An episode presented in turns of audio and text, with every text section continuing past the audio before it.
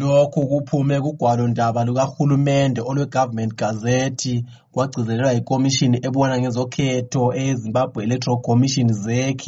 ehle yaveza njalo ukuthi kungaba ngutshikilobhanqa njengalokhu okwenzakala kukhetho luka-2008 phakathi kwababili abayabe bekhokhela luzaphindwa mhlaka-8 Mpandula olweRanofu. umgcinisihlalo wekomishini ebona ngezokhetho eyezimbabwe electoral commission zeki unkosikazi priscilla shigumba uthe ukuhlelwa kwelanga lokhetho sokusitsho ukuthi abantu bezimbabwe sokumele baqaphele imibiko esemthethweni ezakwethulwa yibo ngokuthi ukhetho luzaqhutshwa ngayiphi indlela hatshi ukulalela amahungahunga The Zimbabwe Electoral Commission hereby notifies the general public. IZimbabwe Electoral Commission ithanda ukwazisa uzulu ukuthi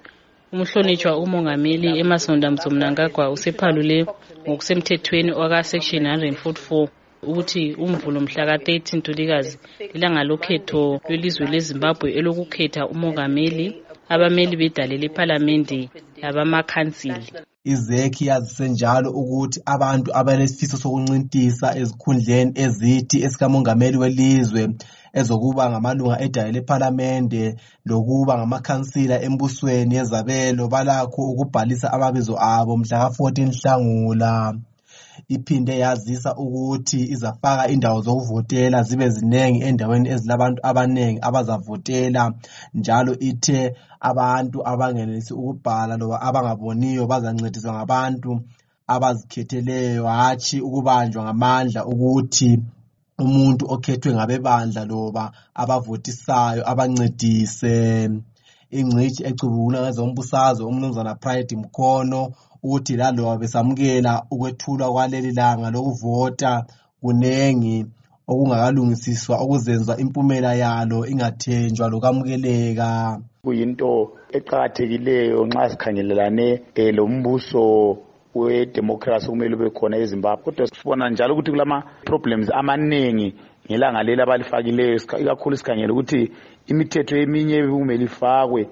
kungakabi lama-election enziwa yenziwanga ikakhulu sikhangele into zokuthi mbani uzabe gcina eh, i-database yama eye-voters roll njalo ama-polling station akhona vele mangaki ngoba akagazethwanga sabakwazi ukuthi mangaki sizwa kuphela esithi bona bangezelele ama-polling station kodwa kungacaci ukuthi angezelele ngaphi njalo emangaki osakhulayo engulobhala jikelele wenhlanganiso yabafundi eyezimbabwe national students union zinaso umnumzana ashley funye laye uthi laloba kuqakathekile ukhetho bekumele lwenziwe ngemva kokulungisiswa kwenguquko ebifunwa ngabamabandla aphikisayo emthethweni olawula ezokhetho ukuze impumela yamukeleke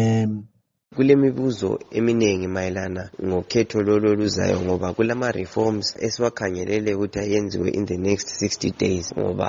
ah, sifuna a free and fair elections sifuna abantu bakwanise ukuzikhethela abazabakhokhela so sikhangelele ukuthi sibe lama answers to ama questions okuthi the diasporan vote siyabona kathi esi constitutional court iyalile ukuthi ama diasporan vote party abantu labana ukuphuma elizweni kuyibangela yokuthi i-economy yethu engafunctioni kuhle njalo they, they contribute a lot to i-economy yethu and they have a say isikhulumeli sebandla lezap umnumzana ipithule maphosa uthe bekuvele kubuya lokhu njalo sokuyisikhathi sokuthi izizalwane zezimbabwe zitshengisele ukuthula ngesikhathi lesi